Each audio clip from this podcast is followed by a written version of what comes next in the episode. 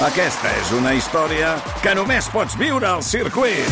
24, 25 i 26 de maig. Gran premi Monster Energy de MotoGP al circuit de Barcelona, Catalunya.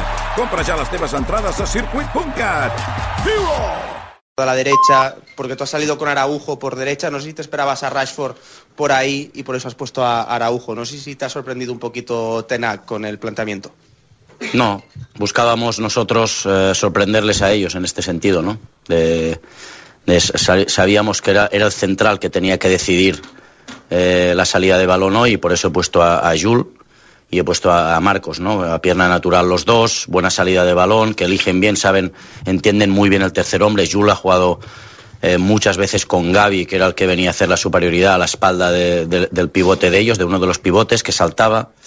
Yo creo que hemos estado bien, lo hemos entendido y no, no, buscábamos sorprenderles a, a ellos, en ningún momento contrarrestar nada del, del United. No, no creo que nos hayan sorprendido, pero tienen, ellos tienen armas, tienen un gran equipo, tienen eh, futbolistas de alto nivel y un grandísimo entrenador también. Bona nit, Xavi. Aquí a la seva esquerra, el Jordi Blanco de ESPN. Eh, ¿Tiene la, sensación, de que a pesar de que el Barça ha podido ganar en un gran final de partido con la intensidad, como usted decía, eh, han habido bastantes minutos que el equipo se ha entregado a lo que más quería el Manchester United, a un juego de ida y vuelta, sin tener la pausa necesaria. ¿Ha echado en falta algún momento esa pausa y esa calma? Sí, sí, en momentos, pues al final el, el, ellos lo buscan también de alguna manera robar y salir a la contra. Recuerdo una de Rashford a la espalda nuestra. Eh, salen de maravilla en las transiciones, ¿no? Nosotros queríamos evitarlas haciendo eh, presión tras pérdida buena, lo hemos conseguido a veces, pero al final ellos también juegan, descargan bien eh, Rashford descarga bien y va en profundidad, Bruno ve muy bien el pase en profundidad, bueno, al final son, son futbolistas de alto nivel, ¿no? Y hemos jugado, en mi opinión, contra un señor equipo. Hola Xavi, aquí Albert Ral del Hola. diari Ara. Uh, quan s'ha lesionat Pedri has fet entrar Sergi Roberto, fer partits que no el veiem jugar d'interior. Uh, com l'has vist i si el veus com el relleu natural amb, amb la baixa de, de Pedri? Gràcies. Sí, és una alternativa. El Sergi domina molt bé el joc de posició, eh, genera moltes ocasions anant a l'espai, és un home que, que entén molt bé el tercer home, aquest timing de venir per descarregar, avui era descarregar de central a, a interior o a pivot per, per jugar amb lateral, ell ho entén molt bé, té arribada a l'àrea, bé, és un jugador dinàmic, eh, ens pot donar moltes coses en, a, en aquestes posicions, sí. Hola Xavi, Edu Polo, Hola. Seguint una mica en aquest sentit, no sabem encara el temps de baixar de Pedri, es parla d'un mes, no sé si, una, si tens eh, clar quant de temps estarà fora, i què es fa sense Pedri, perquè és un jugador importantíssim, Mm, com, com pots viure sense Pedri aquest temps? Gràcies. Bé, tenim alternatives, no? Tenim a, a Gavi, a Frenkie, tenim a Frank, eh, tenim a Sergi, tenim a Pablo, hi ha alternatives que, que ens poden ens poden sumar moltíssim, no? Evidentment, Pedri és un jugador espectacular per nosaltres i és una baixa molt important, molt. Però bé, tenim alternatives i intentarem que no, que no es noti del tot aquesta baixa, tot i que és, és de les més importants, sí. Sí, Xavi Alberto Hernández de Televisión Española. En ese sentido, para Old Trafford también es baja Gaby, si no me equivoco, Mm. por acumulación de tarjetas. No sé si eres optimista de poder recuperar a algún jugador como Busquets o Dembélé para la vuelta en Old Trafford y cómo puedes afrontar ese partido sin, sin estas dos piezas. Sí, a Busi seguramente lo recuperaremos ya para, para el domingo, a Usman todavía no, y vamos a ver mañana a Pedri lo que, lo que tiene, ¿no? Falta saber la, la prueba. Hola Xavi Bonanit, David Ibáñez de Mediaset. En el cambio de Rafinha se ha enfadado bastante. Me ha parecido verle que le daba un puñetazo ahí en el banquillo. La gente, algunos también han pitado el cambio, no sé si lo has oído. ¿Qué te parece todo ese enfado de la afición, el enfado de Rafinha? Está muy bien, sí, me parece perfecto que se enfade. Yo también me enfadaba. Yo también me enfadaba, ya le he dicho. Ha venido a, pedir disculpas, digo, tranquilo. Te entiendo perfectamente, por eso yo he estado en su situación, yo también me enfadaba y me cabreaba. Y lo, jodido sería que, que se sintiera bien con el cambio, ¿no? Él quiere jugar, quiere participar y eso es, positivo. Muy, lo, veo, lo veo de manera muy positiva. Vosotros a lo mejor lo veis de manera negativa. Yo que he estado ahí lo veo de manera muy positiva, que el jugador quiere estar, quiere demostrar, quiere jugar. Me parece perfecto. Y les digo siempre además que se tienen que enfadar. Se tienen que enfadar con el entrenador, está muy bien. Ahora, la falta de actitud y falta de, educación no. Pero enfadarse, y hasta me pueden insultar si quieren. De verdad, sí, sí. Lo aprendí de muchos entrenadores. Así que me parece perfecto, de verdad. ¿Lo veis negativo vosotros? Yo lo, veo positivo. Yo lo veo muy positivo. Hola Xavi, sí, Josep Soldado para Jugones de la Sexta. Han pasado ya 24 horas, un poco más, del revuelo que se generó ayer por el tema de los pagos a Enríquez Negreira. No sé si te sorprende este revuelo, las consecuencias que puede tener, porque ya ha cogido hasta aire de, de escándalo. ¿Ha cogido qué? Aire, un aire ya de escándalo Ah. a nivel internacional. También. Bueno, ya es- me remito al comunicado otra vez eh, del, del club, eh, para nada. O sea, a mí en ningún momento me gustaría ganar con trampas, si no me, me iría para casa, de verdad. O sea, si yo veo que ganamos por, por trampas, me voy para casa. O sea, yo soy una persona justa y lo que quiero es que gane el mejor y que nos lo ganemos en el campo, nunca, nunca fuera del campo, de verdad. Josep Rapel de, de Radio Nacional de España, Xavi, aquí. Eh, por la manera de competir del equipo y porque hacía falta en Europa, eh, que los últimos años no ha ido bien, ¿te da la sensación de que habéis demostrado que habéis vuelto? Bueno, sí, decir eso y, a- y al final, la semana que viene no te clasificas, pues, pues imagínate qué cara se nos queda, ¿no? Pero sí, me voy satisfecho, de verdad. O sea, hemos jugado contra un señor equipo, creo que de los mejores equipos actualmente en Europa, eh, como bloque, como equipo, trabajado con un grandísimo entrenador y les hemos competido, hemos podido ganar al final y me voy, me voy satisfecho con la, con la actuación del, del equipo, sí. Hola Xavi, buenas noches, aquí. Buenas nit. Albets, en directo para el carrusel de la serie Moguts de Ser Cataluña. Eh, Ansu Fati el otro día no jugó en Villarreal, eh, hoy ha entrado y ha tenido buenos minutos. No sé qué, qué importancia, cómo le has visto y qué importancia le das a que un jugador como Ansu, en un partido tan trascendental como el de hoy, eh, deje una buena imagen en los minutos que tiene. Ha entrado muy bien y siempre que ha jugado de titular ha estado bien.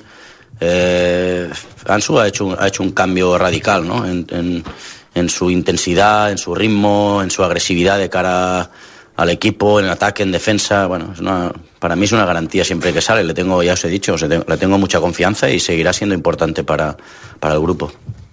Hola Xavi, Juli Claramunt aquí Hola. en directe al Twitch de Gigantes. Uh, Ten Hag ha sortit ara aquí a la sala de premsa i ha dit que com a mínim han merescut marcar 4 gols. No sé quina op opinió mereix al respecte. No, res, doncs el respecte, respecte cap a, cap a ell. Nosaltres hem generat moltíssim també, ells també.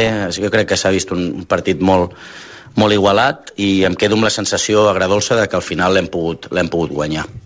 L'hem pogut guanyar, sí. A tot un senyor equip, diria jo. Però bé, nosaltres també hem pogut marcar molts, molts gols. Aurora. Aquí. Enmig. Hola Xavi, Aurora Fuster Hola. per a Principal.cat. Volia preguntar-te per el canvi que has fet al lateral que has posat Araujo i no Condé i també per valorar l'actuació de Condé com a central. Gràcies. Bé, a línia defensiva hem estat bé, com sempre, tirant la línia alta, però bé, està clar que jugàvem contra un grandíssim equip avui que ens ha generat moltes, moltes transicions, eh, moltes, eh, moltes passades bones en profunditat i al final el primer gol ve d'aquí, no? D'un error puntual nostre. Però bé, és Europa i, i els errors s'acaben pagant, però bé, bé, bon partit de, de Condé, sí. ¿Qué tal, Xavi? Buena nit. Adrián Ragas para el Jet del Buena Barça. nit. Ahora con las bajas en el centro del campo de Pedri y de Gavi para Old Trafford, ¿volveremos a ver un Barça con dos extremos? No lo sé, mira, ahora estoy pensando en el, en el Cádiz, sinceramente. Cómo ha acabado la, la gente, cansada, fatigada, tenemos que recuperar, que el domingo tenemos partido muy importante y luego ya, ya pensaremos a partir del, del lunes en, en Old Trafford. Hola Xavi, buenas nit. Nacho Jiménez de Más que Pelotas. Hoy otra vez en una nueva eliminatoria el Barça ha vuelto a encajar goles, a diferencia de la Liga que se está viendo una solidez defensiva bastante clara. ¿Qué crees que le está faltando al equipo en este sentido para acabar de ser más fiable en eliminatorias del CAO? Gracias. Bueno, creo que hemos estado bien en concentración, en, en disciplina, en, en- en las obligaciones que normalmente tenemos que hacer. Hemos estado bien, pero al final el, el contrario también, también juega y a este nivel pues te generan cosas, ¿no? Y han aprovechado sus ocasiones, ¿no? Al final, pues bueno, el, fútbol es un juego de errores y hay que minimizarlos. Y hoy pues no hemos estado bien en los, en los dos goles encajados, pero contento de la actuación del equipo. Hola Xavi, aquí Laia Cervelló del Diari Hola. Uh, més enllà de l'emprenyada de, de Rafinha, jo volia preguntar-te pel seu partit i per què l'has canviat. Gràcies. Bé, perquè al final hem, necessitem també gent fresca al final, alternatives al joc, eh, eh, tothom mereix també oportunitats, tinc confiança en tota aquesta plantilla i al final he pensat que era, que era un canvi molt necessari pel, per l'equip, no? Eh, necessitàvem eh, seguir amb la intensitat, a la pressió alta i el Ferran ens dona això, intensitat i, i molta pressió alta, no? Gràcies, bona nit. Gràcies. S'acaba així la roda de premsa de Xavi, visiblement empipat per uh, l'actuació arbitral, orgullós, ha dit, de, de l'actuació de, de l'equip i mm, convençut que, que podran tirar endavant l'eliminatòria a Old Trafford i també eh, important, ha confirmat el que ja havíem explicat a RAC1, que Busquets estarà disponible diumenge. Molt bé, eh, doncs eh, 5 minuts i arribarem a 3 quarts de 10. Hem d'anar tancant la barraca, que ara donem el relleu als companys del 9C, i a dos quarts eh, d'11 ja s'hi posa l'Aleix amb el Tu diràs, des de dos quarts de 10 que estem fent ja el eh, partit de quarts de final de la Copa de Bàsquet que enfronta el Barça i Unicaja, eh, amb el Mundet i, i companyia. Eh, Jaume, molt ràpidament, eh, volies comentar els tres punts claus Sí. per tu eh, de cara a la tornada? Sí, la defensa, eh, mm, si juguen els quatre migcampistes, eh, Busquets, és a dir, quin paper pot tenir Busquets en un partit en què a priori no és per les seves característiques, avui hem vist un partit d'anada i tornada que jo la veritat em costa molt veure-hi Busquets, i després, si no són quatre migcampistes, el, el tercer davanter, quin, quin serà i, i com afecta això el joc de l'equip, que no l'hem vist últimament amb el 4-3-3. Guillem, què has après avui? Doncs mira que el Gavi és un tros, un mastodont, és un crac que al camp ho dona tot, m'anada de rebaixes amb ell segur que bueno, t'endús totes les millors gangues, que avui que, quan venia a la ràdio m'ha trucat la meva àvia, la Pepa, i li he dit que avui jugàvem contra el Manchester i m'ha preguntat per Jordi Cruz, i li dic, no, no, que el Barça juga contra Manchester, no contra Masterchef. Que ens ha donat menys l'alegria del gol que un brasiler al costat de Florentino, i per últim, com diu un jugador del Manchester, Wan Bissaka, my friend.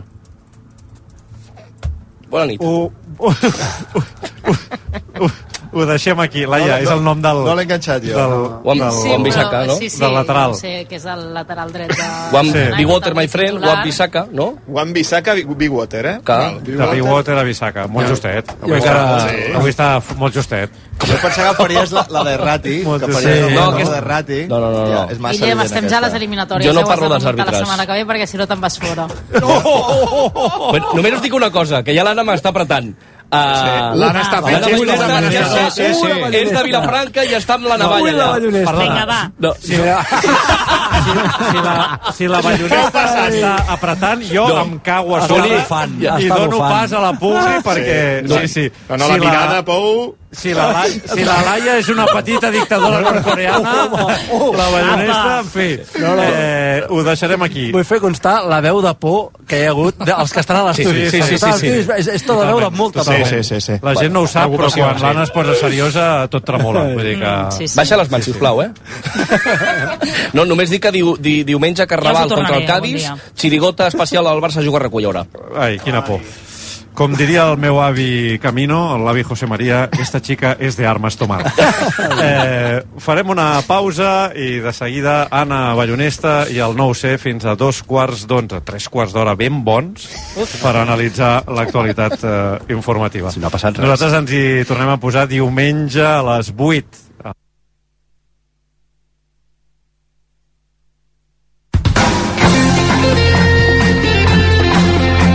El Barça Juga a RAC1 ha estat una gentilesa de CaixaBank i Estrella d'Am.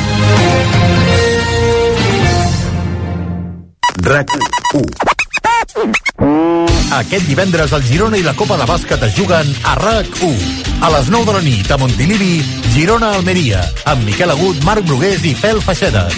A dos quarts de deu a Badalona, Joventut Bascònia, partit de quarts de final de la Copa del Rei amb Marc Mundet, Damià López i Jordi Colomer. I per rematar-ho, tu diràs, amb Dani Aguilar des del Palau Olímpic de Badalona. El Girona Juga a RAC1 és una gentilesa de CaixaBank i Estrella d'Am. RAC1. Tots som u. Dos minuts per tres quarts de deu.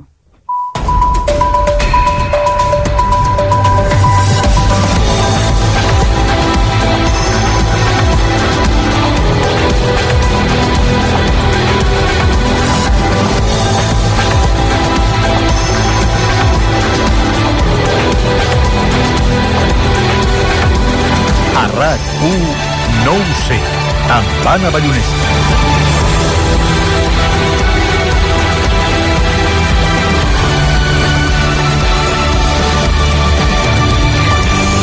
Avui no ho sé de butxaca fins a dos quarts d'onze abans de sopar heu de saber que...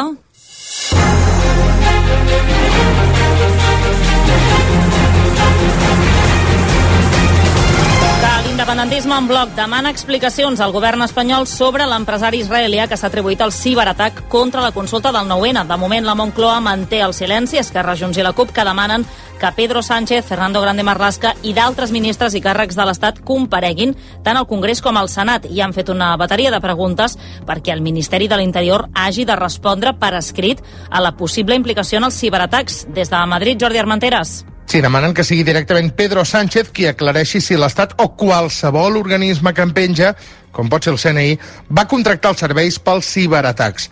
Rufián d'Esquerra, Claries de Junts i Botran de la CUP. surrealistes eh, i suposats eh, vincles entre l'independentisme català i, i l'ISIS o, o l'estat islàmic. Esperem que no es posi cap excusa com les que es solen posar. explicacions i responsabilitats al màxim nivell del govern de l'Estat perquè el que no volem que eh, hi hagi caps de turc com ha passat en el tema del Pegasus. és un atac eh, contra una institució democràtica i per part de l'estat espanyol. Això, en qualsevol democràcia plena, seria investigat. En l'escrit d'Esquerra, més, hi apareix RAC1 pel que ha explicat aquest matí l'expert en indústria militar israeliana Eitai Mak sobre les sospites que tot plegat formi part d'un acord entre Espanya i Israel a nivell d'estats. I tots demanen resposta per escrit també sobre el nivell de vinculació que té el govern espanyol, qualsevol ministeri, les policies o el CNI amb l'empresa israeliana responsable dels ciberatacs. Doncs tot això després que els experts situïn Espanya com a clar sospitós d'haver encarregat a Tal Hanan, l'empresari israelià, el ciberatac pel 9-N.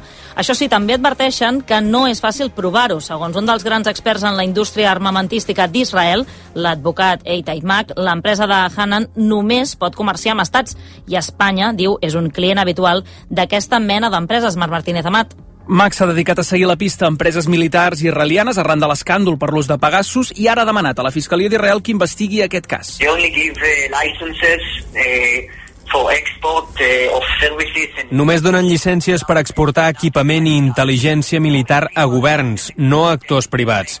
Per tant, si tot plegat es va dur a terme d'acord amb la llei israeliana, el client havia de ser un govern.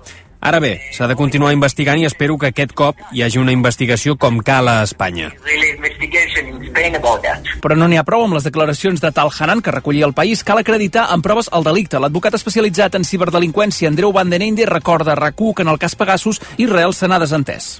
existeix un conveni del Consell d'Europa, el conveni de cibercriminalitat, ratificat per Estats Units i per Israel. Per tant, tenim un marc teòric molt bo. Ara, a la pràctica, en el cas Pegasus inicial, es va enviar una comissió rogatòria crec que fa més de dos anys i simplement no la contesten. Van den Ende també explica que l'altra dificultat d'aquest procés judicial seria quantificar els danys del ciberatac. I mentrestant, Pedro Sánchez i el govern espanyol que es neguen a compareixer al Parlament per explicar l'espionatge massiu a l'independentisme amb Pegasus, la Moncloa, i ha tancat la porta després que el Parlament, tal com us hem avançat a rac els hagi citat per al dia 3 de març.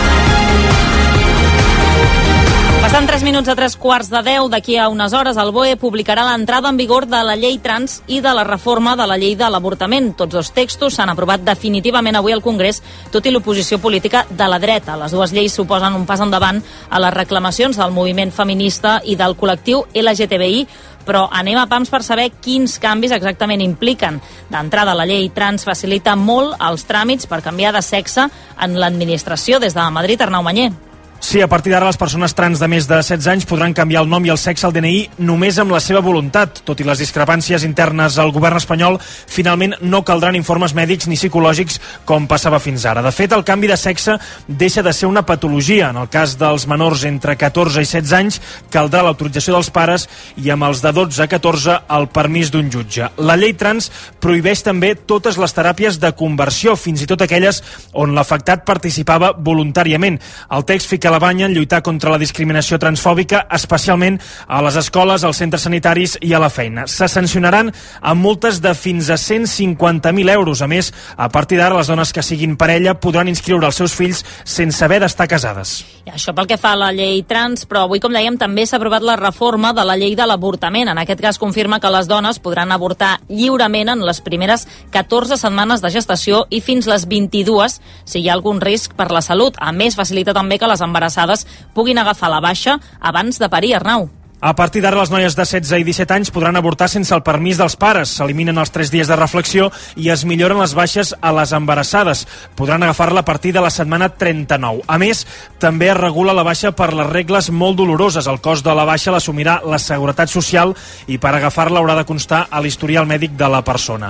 A més, la nova llei pretén que les dones puguin avortar en un hospital públic a prop de casa seva i evitar que s'hagin de desplaçar centenars de quilòmetres com passa en alguns casos. Ara mateix, de fet, el 85% dels avortaments a l'Estat són en clíniques privades. Per cert, la nova llei de l'avortament determina que els ventres de lloguer són una forma de violència contra les dones i prohibeix explícitament la publicitat que ofereixen aquests serveis a l'estranger. El Congrés que ha aprovat les dues iniciatives després d'un debat al Congrés on els partits de dretes han tret constantment la llei del només sí és sí i precisament sobre aquesta llei el fiscal general de l'Estat demana als jutges que no rebaixin més condemnes amb aquesta llei. Álvaro García Ortiz, que reivindica el criteri fixat per la Fiscalia perquè considera que evita la impunitat dels agressors.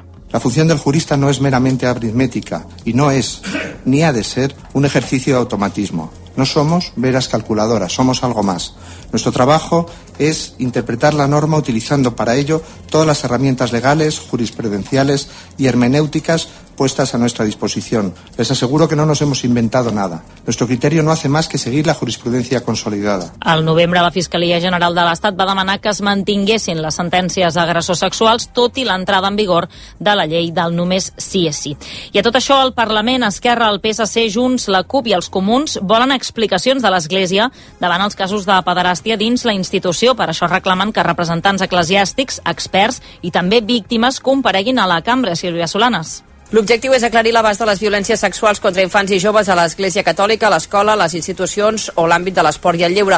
Volen analitzar-ho des de la perspectiva de les víctimes i quina resposta donen les institucions i l'administració. Per això el pla de treball que han registrat recull també la compareixença de representants eclesiàstics, tant a nivell català com espanyol com europeu. Per exemple, es demana que compareguin des de la Conferència Episcopal Espanyola, l'Arxidiòcesi de Barcelona o l'Abadia de Montserrat. També té intenció de citar els representants de centres educatius com els maristes o els jesuïtes. Des de l'acompanyament de les víctimes es vol citar una representació dels Mossos d'Esquadra, periodistes d'investigació o associacions com Fundació Vicky Bernadette o Save the Children. També preveuen portar especialistes de legislació per estudiar si cal fer canvis al marc legal actual. Aquesta comissió d'investigació la van impulsar Esquerra Republicana, la CUP i en Comú Podem l'abril de l'any passat. I a l'Estat la Fiscalia mou fitxa després que les congregacions religioses neguin dades sobre els casos de pederàstia. Havia demanat informació a 70 diòcesis, però només 29 van contestar Pep Tormos. El fiscal general de l'Estat, Álvaro García Ortiz, ha anunciat que es dirigirà directament a les entitats religioses per exigir informació sobre aquests casos. Fins ara, les que han contestat ho han fet totes amb la mateixa resposta, dient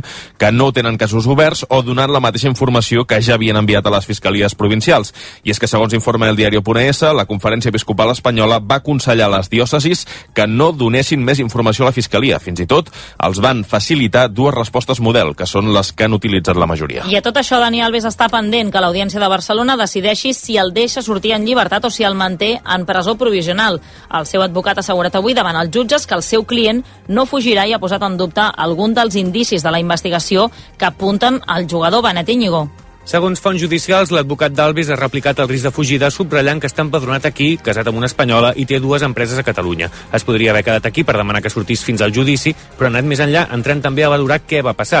Entre altres, ha dit que no hi havia lesions vaginals i, per tant, ell dedueix que la relació va ser consentida. D'aquesta manera, en tot cas, el representant d'Alves reconeix per primer cop que va haver-hi una relació amb penetració. L'últim que va dir el jugador abans que el tanquessin és que la noia li havia fet una fal·lació. La fiscalia i l'advocada de la víctima, Esther Garcia, creuen que no ha canviat res en canvi respecte al primer dia i que amb els diners que té podria marxar tranquil·lament. I afegeix un altre motiu per mantenir-lo a Brians 2. El fet de que se li atorgués la llibertat suposaria una, un atemptat per mi contra la integritat psicològica de la meva clienta, és a dir, que ell es mantingui en llibertat mentre ella estigui tancada, jo crec que això, l'administració de la justícia i l'Estat en general, no ens ho podem permetre. La secció tercera de l'audiència té ara la pilota a la seva taulada. La decisió que prengui, però, no determinarà en cap cas el resultat final del procés. Només determinarà si Alves esperarà el judici, al carrer o a la presó. I, d'altra banda, la justícia deixa en llibertat provisional el professor de teatre musical de Reus, investigat per abusar sexualment de 13 noies. El jutge només li aplica un ordre d'allunyament i li prohibeix comunicar-se amb les presumptes víctimes. Totes elles eren menors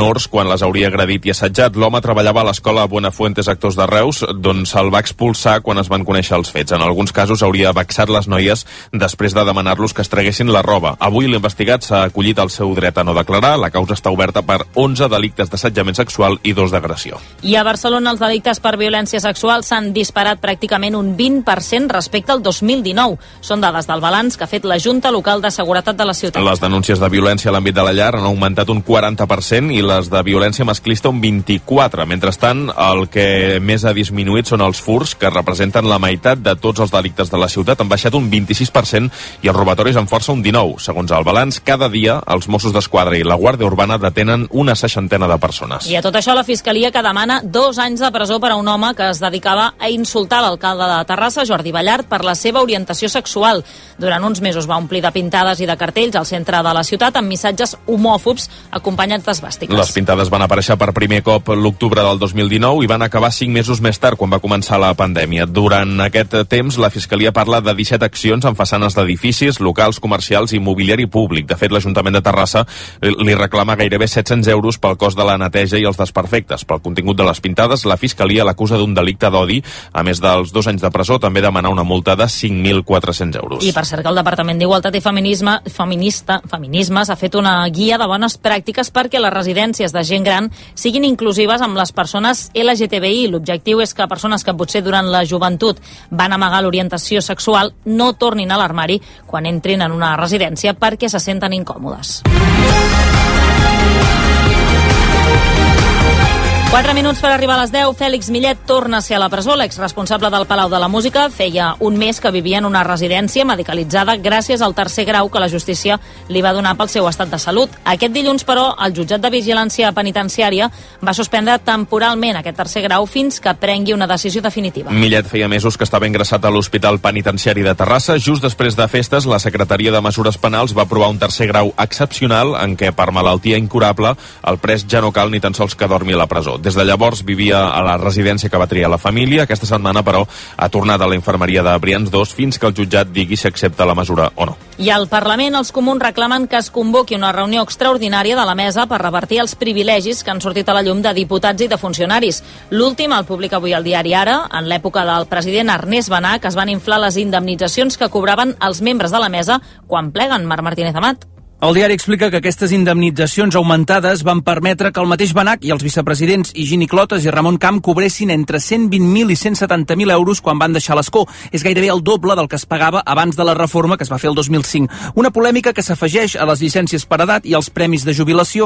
La cap de files dels comuns, Jessica Albiach, reclama que la mesa, formada per Esquerra, el PSC, Junts i la CUP, hi posi fre. Estem assistint a un degoteig continu, permanent, d'informacions que són escandaloses. És importantíssim que els partits que formen part de la mesa no es rentin les mans, que facin un anàlisi exhaustiu i, per tant, llum taquígrafs, tota la transparència i començar a revertir aquestes pràctiques que, com dic, són intolerables i són insostenibles. I Ciutadans també demana explicacions per unes indemnitzacions que diu que no són ètiques ni estètiques. I per cert que l'ANC viu una crisi interna arran del debat de la llista cívica. Un grup de crítics acusen la presidenta d'autoritarisme i plantegen demanar una qüestió de confiança. També amenacen amb dimissions. Dissabte el secretari Secretariat Nacional farà una reunió que tot fa preveure que serà calenta. Davant el sector crític, l'ANC ha més un comunicat i ho rebaixa tensions internes i debats intensos. Tot arrenca de l'aposta de Dolors Feliu per promoure una llista cívica per les eleccions al Parlament. Els crítics no comparteixen la manera d'encarar aquesta llista cívica de la direcció, qui acusen de formes autoritàries. I ja se sap qui estarà al capdavant de la llista de Ciutadans a Barcelona. La també diputada del Parlament, Ana Grau, ha guanyat les primàries per davant de Coldo Blanco,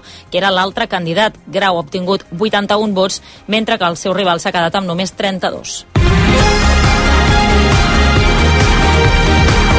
Els Mossos d'Esquadra s'encarregaran de la seguretat de la Copa Amèrica de l'any que ve, que es farà a Barcelona, i no només a terra, també al mar. Serà el primer gran esdeveniment de la nova unitat marítima de la policia catalana. Qui té més competències al mar és la Guàrdia Civil, mentre que els Mossos només poden actuar en aigües interiors i per qüestions administratives. El cas és que per la Copa Amèrica, el Ministeri de l'Interior i el Govern han acordat que sigui la policia catalana la responsable de tot el dispositiu. Joan Ignasi Helena celebra que els Mossos liderin la seguretat d'una de les cites esportives més importants del món.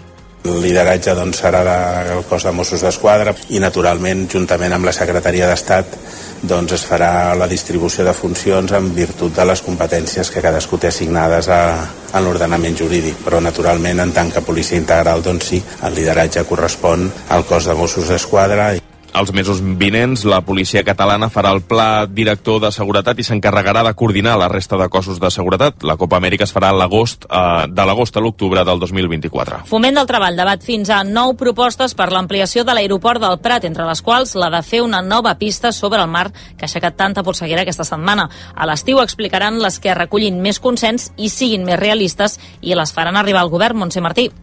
Tota la informació i les propostes que recollin més adeptes per ampliar l'aeroport del Prat es faran arribar a la Comissió Tècnica de la Generalitat, que segons Foment començarà a treballar al setembre.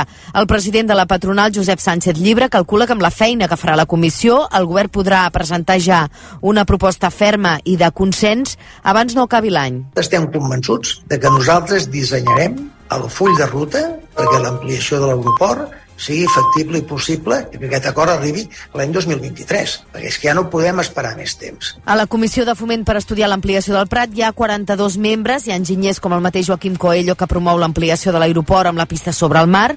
En formen part membres de la Cambra de Comerç de Barcelona, advocats com l'exconseller Lluís Recoder, ecòlegs i representants del sector turístic i de la construcció. I PortAventura estrena demà la temporada més llarga de la seva història. Per primera vegada, el parc d'atraccions cobrirà portes per celebrar-hi el Carnaval. Des de Tarragona, Esteve Giral. El parc obrirà portes tots els caps de setmana de febrer i març per adaptar una versió dels carnavals de Rio i Venècia a PortAventura i les seves atraccions, amb zones tematitzades, batucades, desfilades de comparses i nous espectacles inspirats en el carnaval. En paral·lel, està acabant la construcció de la seva nova atracció, un dark ride inspirat a la pel·lícula Uncharted, amb la previsió d'obrir la nova atracció per primavera. L'objectiu de la temporada, superar el rècord de visitants del 2019, quan més de 5 milions de persones van visitar PortAventura World i els seus hotels. Un dels reptes, tornar a treure més clients internacionals, sobretot de França i del Regne Unit.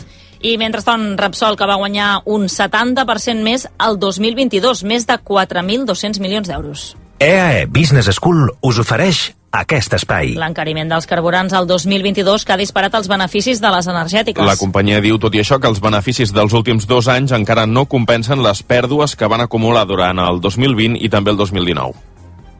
Si vols canviar de vida i estudiar en una business school que lidera els rànquings, o canviar un pla de desenvolupament personalitzat, flexible i amb una xarxa de contactes potent, Work to Change. Entra a eaebarcelona.com i comença el canvi en una escola de negocis creativa, acollidora i innovadora. EAE Business School. We make it happen. Ara de seguida anirem cap a Berlín, on a aquesta hora s'inaugura el Festival de Cinema. Fem una petita pausa i tornem.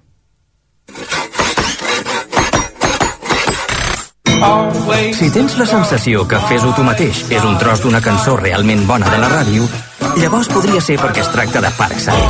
Eines de gran potència, les millors màquines de jardí i un munt d'accessoris. Descobreix tota la gamma de productes de Parkside a parkside-diy.com. Tu pots. Parkside. Els vostres alumnes de primària són creatius? Coneixen bé Catalunya? Participeu en el concurs organitzat per Cruïlla Pluja d'Idees fent un cartell o un vídeo amb el més destacat de la vostra localitat. Cruïlla premiarà una escola per província i un Premi Especial Catalunya. 3.000 euros de premi per l'escola. Consulteu les bases al web cruïllacertamenplujadidees.cat. Ja saps que a Hipercor i al supermercat El Corte Inglés és molt fàcil acostumar-se als millors preus i a descomptes increïbles. Per exemple, tens un 21% de descompte en totes les cerveses per compres superiors a 25 euros en cerveses. A Hipercor i al supermercat El Corte Inglés, a la botiga web o app. Consulta les condicions de la promoció. RAC més 1, podcast. RAC més 1 i Sexy Dream presenten Què és per tu una revolució sexual? Revolució sexual, ostres, tenir llibertat de decidir, de fer, fer una mica el que vulguis, de triar, d'experimentar. Que no jutgéssim els demés tan fàcilment quan parlen de sexe. Revolució sempre és algo diferent i nou, no? De tindre cap tabú quan fas el que et dóna la gana, sense ànim. Per mi la revolució sexual passa per deixar de reprimir-se el cos. La revolució sexual, el podcast de sexe a RAC més 1. Amb Rosana Carceller i en Alfonso. Escolta la l'app de RAC1 i a RAC1.cat. RAC més 1. Tots som Més u. Amb sexydream.es, el sexe no té tabús. Descobreix joguines eròtiques per a tothom, kits eròtics per compartir, llançaria i una pila d'idees sexis i atrevides per innovar i gaudir del sexe com mai. Compra a sexydream.es i rebràs la teva comanda en 48 hores. No esperis més i obre la porta al plaer amb sexydream.es. No ho sé, amb Anna Ballonesta. 4 minuts de les 10, com dèiem, en marxa aquesta hora la gala inaugural del Festival de Cinema de Berlín, el tret de sortida que el dona la projecció de la comèdia romàntica She Came to Me, protagonitzada per Anne Hathaway i per Peter Dinklage. Abans, però, hi ha hagut la recepció oficial del jurat de les autoritats alemanyes i d'un convidat sorpresa, Volodymyr Zelensky, des de Berlín, enviada especial de RAC1, Maria Cusó.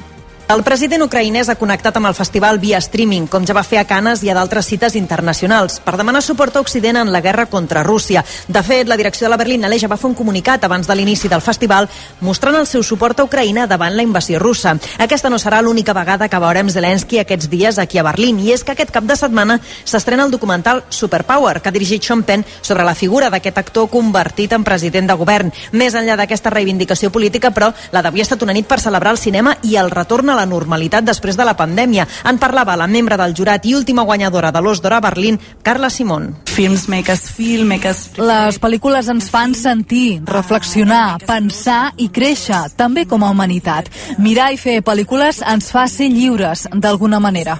Free somehow. Simon forma part d'un jurat internacional presidit per l'actriu Kirsten Stewart, la dona més jove en presidir mai el jurat de la Berlinale. I encara en cinema empitjora l'estat de salut de Bruce Willis. La seva família ha explicat aquesta nit que té demència i que se li estan deteriorant les capacitats cognitives. L'actor està apartat de les càmeres des de fa mesos per una afàsia, una malaltia cognitiva que, entre d'altres, afecta la capacitat de parlar i escriure. Bruce Willis té 67 anys i durant la seva carrera ha participat en més d'un centenar de pel·lícules. I el Liceu acull aquesta hora l'estrena mundial de l'òpera Macbeth, amb Jaume Plensa com a director d'escena.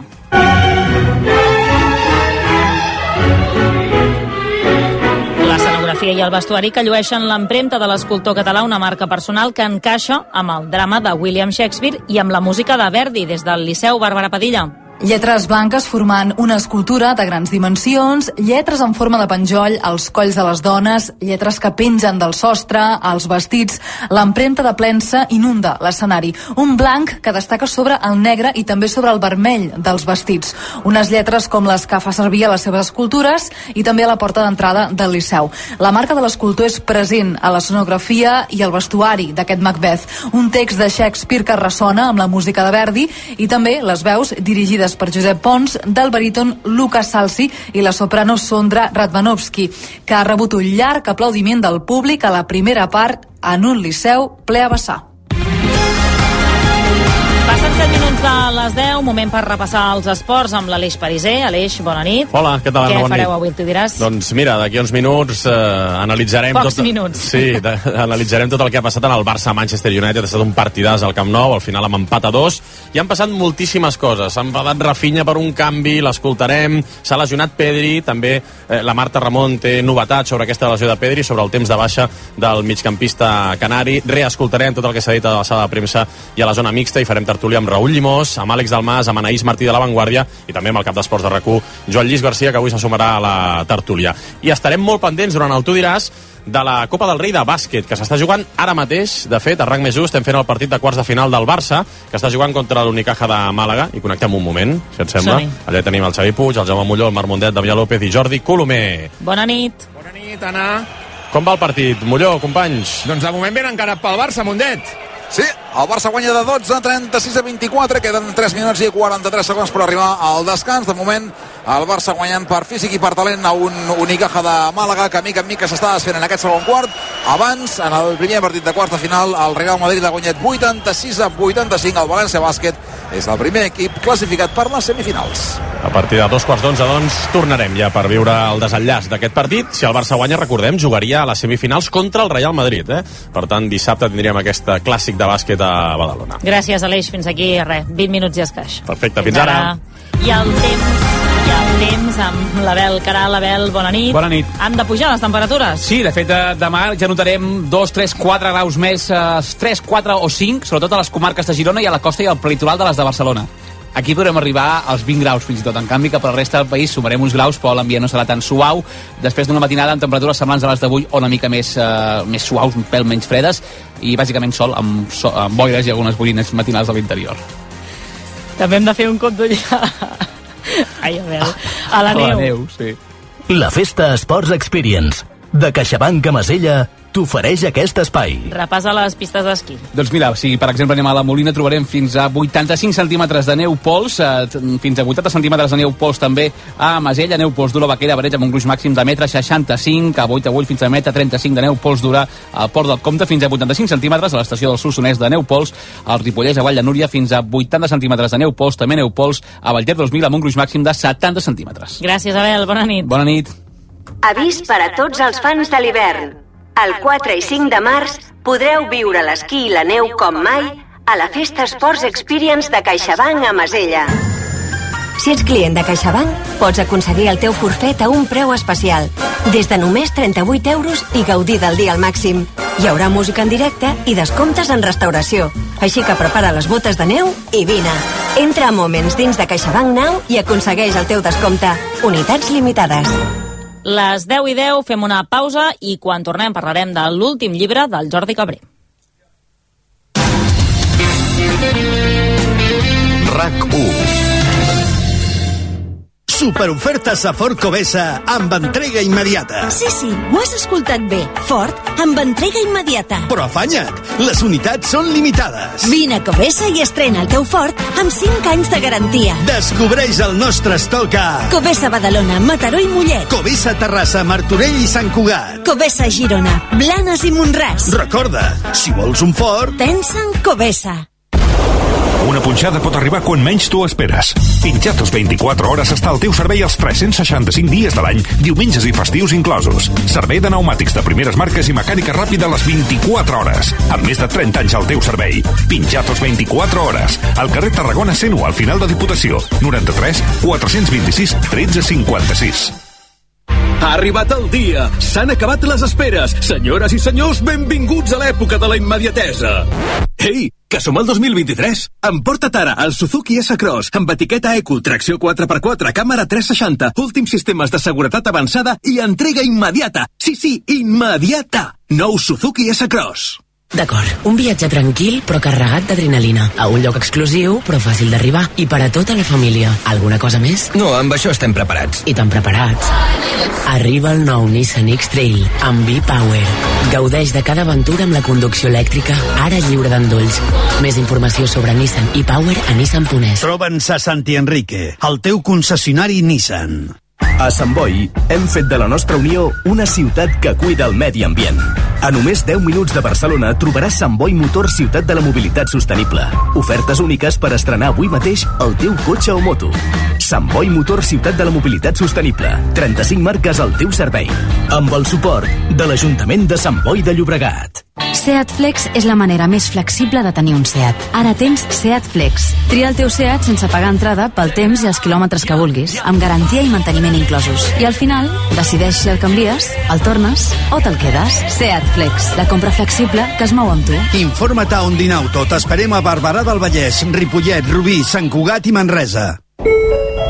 Pròxima estació, Barcelona. Correspondència amb Mogauto Volkswagen City Store. Ja és aquí la primera store de Volkswagen al centre de Barcelona. Descobreix les darreres novetats de la gamma híbrida i elèctrica de Mogauto Volkswagen i viu una experiència 100% tecnològica. Podràs configurar el teu model favorit a Gran Via Cantonada Padilla. Mogauto.com A Hyundai et portem del cotxe més venut d'Espanya a la tecnologia més innovadora, amb motors híbrids lleugers, híbrids o híbrids endollables. Per això, ara tens un Hyundai Tucson per 340 euros al mes, amb el nostre renting a particulars, amb tot inclòs. Hyundai, potencia el teu món. Més informació a Hyundai.es. RAC 1. Tots som 1. Dos minuts per un quart d'onze de la nit.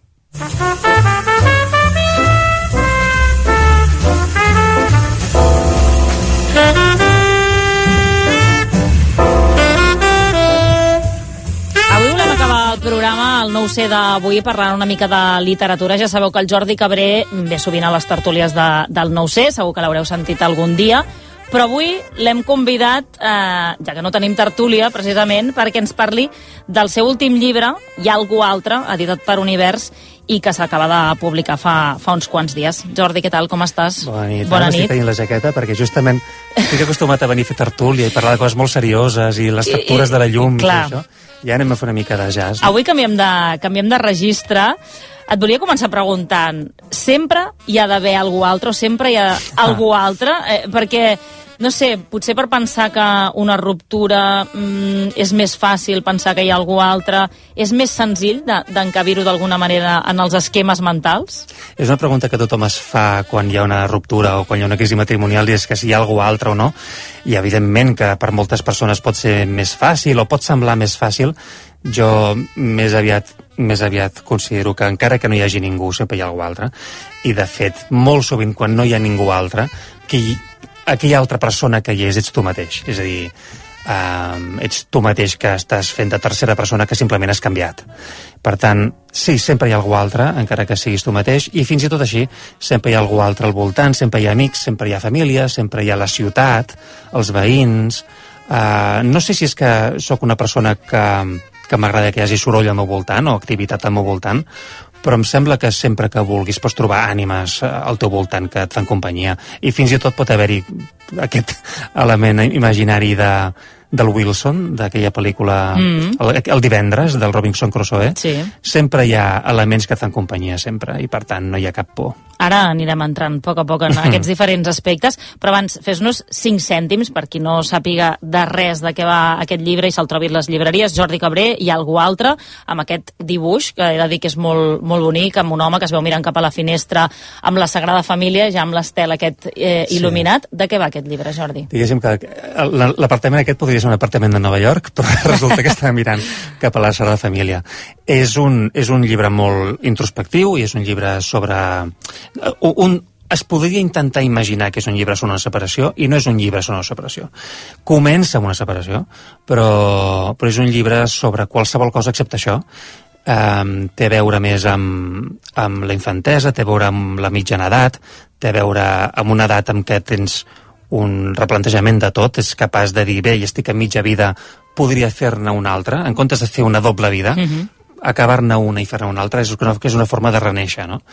Uh, és una forma de morir i començar de nou. I em sembla que això, si es fa amb ganes, alegria i, amb, i de bon rotllo i, i amb un cert sentit de l'humor i amb tendresa, evidentment, eh, em sembla que és molt positiu i com que vaig veure que estava fent un exercici molt bonic vaig pensar, escriu en efecte moltes persones pensen que això és un llibre terapèutic i jo penso que no ho és um, diguéssim que jo no m'hauria atrevit a fer un llibre simplement que fes una gran vomitada Mhm. del que em passa a mi. Això no interessa a ningú. Però la meva gent una vegada em va dir escolta, escriu sobre tu, intenta escriure sobre tu i, i a veure què tal et surt. I a mesura que ho anava fent vaig veure que m'anava sortint una cosa bonica. Que no només era um, sobre temes personals, sinó que a més a més eren temes bastant universals i que parlava de tothom. Mhm. Estava parlant bastant de tothom. Per tant, me'n vaig cap a la infantesa, me'n vaig cap a, cap a les crisis matrimonials, me'n vaig cap als amics, me'n vaig cap a com et muntes un nou apartament, com et muntes una nova vida, com aprens a descobrir una nova música i una nova manera de, de viure. I em sembla que això eh, qualsevol persona s'hi pot sentir emmirallada. En aquest parlar de tu, quin percentatge del Jordi Cabré hi ha en el protagonista d'aquest llibre? S'hi acosta al 100%, s'acosta al 100%, però hi ha un parell de factors que, on hi he volgut posar una mica de ficció. Um, és, és un llibre molt honest, molt honest, senyora Ballonesta. és un llibre molt, uh, fet molt des de dintre, però hi ha elements de ficció com per exemple persones, especialment dones que puc arribar a conèixer, aquestes són de ficció bàsicament perquè ningú li interessa noms concrets ni identitats concretes de persones que puc conèixer i perquè a més a més en aquest cas he volgut tirar d'estereotip. Només amb aquest tema, amb aquest tema concret he volgut tirar de dos dos estereotips femenins. Un és la típica noia que pots conèixer de forma casual i l'altre és la típica noia de qui et podries enamorar. I aquests dos estereotips em permeten a mi jugar amb l'element central que sóc jo mateix. Però aquests dos elements són ficció. Abans deies, es pot interpretar com que és un llibre que parla de separacions, tot i que no, no és això, però sí que et serveix una mica d'excusa no? Sí. per començar. I et volia preguntar si, si al teu entorn eh, cada vegada hi ha més gent separada que gent eh, casada o en parella. Doncs no ho sé, està bastant equilibrat. Uh, s'ha frenat una mica, eh? em sembla que això... De, Sí? de, sí, em sembla que s'ha frenat. Em sembla que la gent ha agafat una mica de por, la gent s'ha tornat una mica conservadora arran de la Covid i, i, uh, i tot està molt complicat. Jo diria que um, ens ha agafat una mica de por tots plegats. Uh, no, no passa res, eh? però, però en el meu cas, com a mínim al meu voltant, un 50-50. I sí que és veritat que el que sí que sap una mica de greu és que vegis persones que ho viuen d'una forma molt traumàtica quan no tindria per què ser així. I quan no és així és meravellós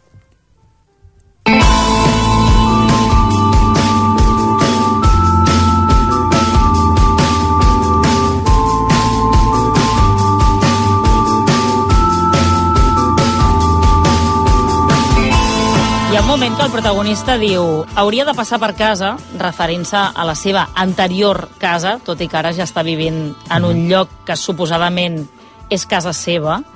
Clar, quant de temps es triga a, a sentir que un lloc és casa nostra? Perquè a mi a vegades em passa fins i tot ara, que ja fa gairebé 10 anys que no visc a casa dels pares, per exemple, que quan hi haig d'anar dic vaig a casa, a casa meva, un moment, Sí, no? sí. Clar, quan, quan és casa teva un lloc? És molt bona pregunta aquesta. Suposo que casa teva és el, aquell lloc on, on, on no vas, sinó aquell lloc, aquell lloc on tornes. I quan estàs en un moment de transició eh, pot haver-hi un moment de confusió. Eh, jo sempre sentiré casa meva la casa de la meva exdona i sempre sentiré casa meva la casa dels meus pares. En efecte, això sempre és casa teva i també és casa meva a Viladrau. Eh, però la casa veritablement, que, que només és teva, mm. la, la casa és més genuïnament teva, és aquella, em sembla, on obres els calaixos i, i les mans ja se t'adapten. Eh, M'hi vaig trobar, eh? eh, En un moment donat em vaig, tro vaig trobar a casa de la meva ex obrint armaris i veient que em sentia estrany quan havien estat els armaris de molts anys. Mhm. I en aquest moment és quan te n'adones que el, el, el teu cos s'ha adaptat a un nou espai. Això és una mica màgic i una mica inconscient. Diuen que els trasllats són dels moments més traumàtics per la vida d'una persona. No sé si ho comparteixes.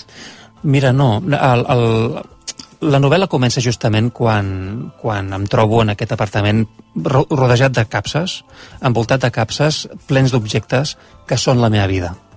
Uh, jo diria que, que és una cosa no gens difícil. Eh, Et, et permet seleccionar quines són les coses veritablement importants i quines t'emportes amb tu. És, és allò que t'emportaries a una illa deserta, és Mhm. exactament així. I això t'obliga a, a prioritzar i veure quines són les teves coses preferides. Aquella cançó de Sonrises i làgrimes, My Favorite Things, és un exercici que recomano a molta gent que és fer una llista de 10, perso de 10 coses que siguin veritablement les teves preferides. Això és una cosa molt difícil, perquè de seguida te'n surten 20, on te'n surten 30, i 10 és molt difícil. Tu pots tenir un músic preferit. Sí. Ara mateix, per exemple, sonava The Cure, que és una cosa Sí. que escoltava molt a la meva adolescència. Però si dius només se'n pot ser un, vol dir que n'has de matar com a mínim 10 i després n'has n'has de matar dos a la, a la semifinal, perquè només en pot quedar un. I això és si això ho poses a la música, ho poses als menjars, ho poses a les parelles, o ho poses als espais o als paisatges, que només en quedi un, aleshores això és un exercici que recomano perquè tu et, et descobreix molt sobre tu mateix, sobre allò que realment t'agrada i allò que enviaries no només a una illa deserta, sinó també que posaries en una nau espacial perquè ho veiessin a Saturn el que realment val la pena. També és que és veritat que fa reflexionar d'alguna manera, no? El fet de posar les coses en caixes o d'haver-ne de triar unes quantes, fa reflexionar sobre, el, sobre les propietats, no? Eh, Què és el que posseïm al final? Perquè em sembla que jo, si, si em posés a comptar, potser diria tinc un ordinador, mm, tinc la tele, tinc un cotxe, eh, i para de comptar. Potser algun quadre, la meva roba... Però, clar, fins a quin punt aquests objectes que, que hem de triar determinen qui som, no? Sí, i n'hi ha alguns que són sentimentals i que són accessoris, per exemple, decoracions, quadres, que potser t'han acompanyat durant molts anys de la teva vida, però que en veritat són essencials. El que passa és que una novel·la, una novel·la o una obra d'art es pot començar pensant en aquests objectes, amb aquests objectes bonics, però després també és veritat que la vida, eh, un naixement o un renaixement comença també havent de comprar eh, una nevera o havent de tenir eh, coberts o havent de tenir un llençol. I, i, i escolta, que, que menys que tenir un llit no? I, i, i, i, és una forma també de veure per on començo. El gènesi, el gènesi de l'univers comença per coses molt boniques o per coses mm, simplement essencials.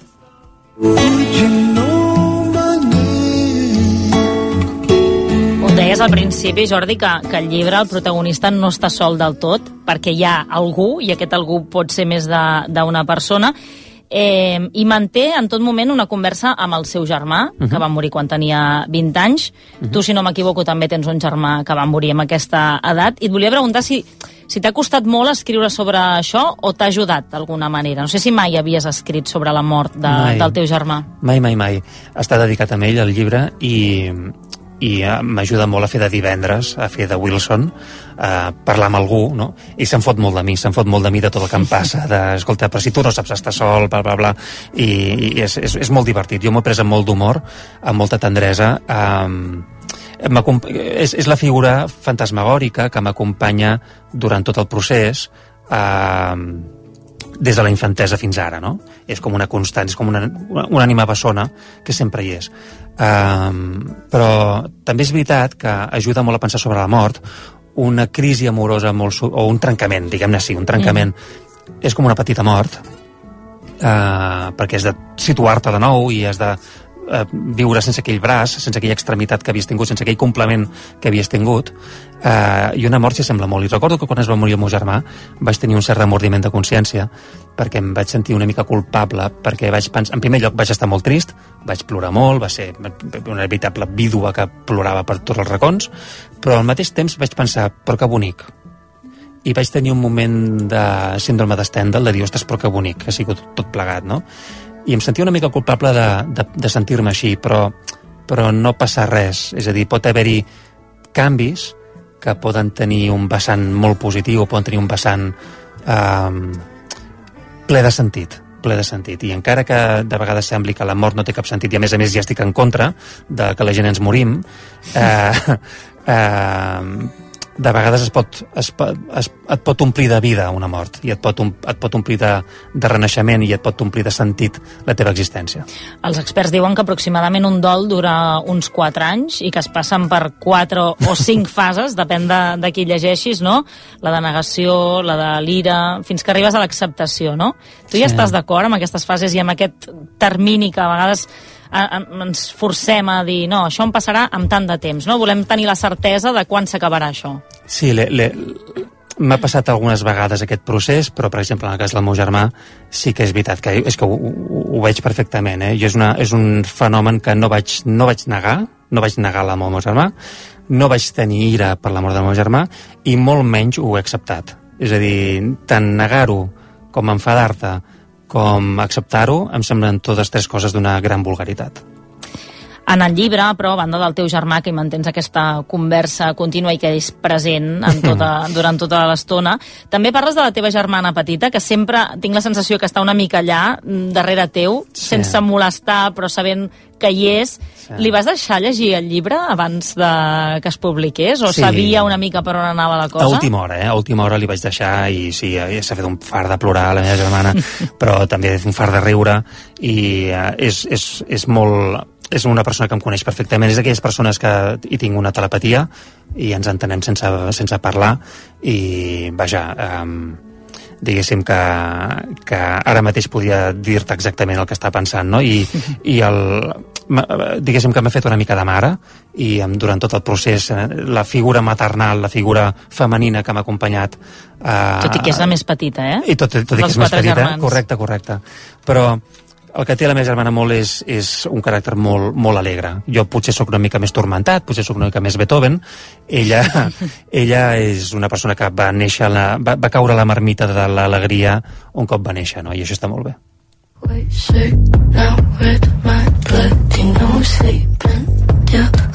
A veure, ara hem fet canvi aquí perquè és que és veritat que al llibre hi ha molta música, és constant, diria que no hi ha una sola pàgina És que no veritat, citis és una cançó i de fet hi ha una playlist a Spotify on es poden consultar totes les cançons que, que van apareixent a, al llibre. Per tu és impossible imaginar-te la vida sense, sense música? Sí, però és inconscient, eh? Jo l'altre dia fent la playlist pensava, bueno, serà una playlist de 10, 15, 20... No, No, no. moltíssimes. Sembla que dura 6 hores i pico tota la playlist. Imagina't, perquè vol, és que vol dir que realment eh, la tinc molt a dins, no? Uh, a totes les meves novel·les hi ha, hi ha una banda sonora, a totes, però en aquesta potser especialment, perquè com que faig un repàs de, tot, de tots els anys que he viscut i de totes les coses que han passat, doncs evidentment doncs van sortir moltes coses i a més a més i descobreixo el jazz, no? I el jazz i té una, un, hi, ha, hi ha músiques de tot tipus, hi ha sinfònica, hi ha pop, hi ha molt pop, hi ha música, ara que sonava, doncs que pertany a la playlist de la meva filla, Sí. i hi ha jazz. Llavors, tota la novel·la he intentat que tingués una mica de forma de jazz. Uh, el jazz com a, com a metàfora de la improvisació. Hi ha vegades a la vida que et trobes que has d'improvisar una mica i no seguir una partitura. Uh, totes aquestes cançons que apareixen en un capítol determinat apareixen com barrejades, una aquí, una allà, són frases que van apareixent, durant tota la novel·la apareixen i desapareixen, com si fos una, com si fos una peça de jazz, no? Ah, veus, aquesta frase ara torna, aquesta tornada ara torna, no? I realment, quan et poses a recordar, o quan et poses a viure, eh, de forma intensa, tot se't barreja una mica, no? I el meu repte era no només fer aquesta barreja de, de músiques i aquesta barreja de frases musicals, sinó també posar-ho d'una forma ordenada i bonica, que ha sigut el repte, i em sembla que si no fos bonic, si no m'hagués quedat una cosa bonica, només per escriure o només per deixar anar el que a mi m'ha passat o el que a mi em passa, no hauria publicat el llibre.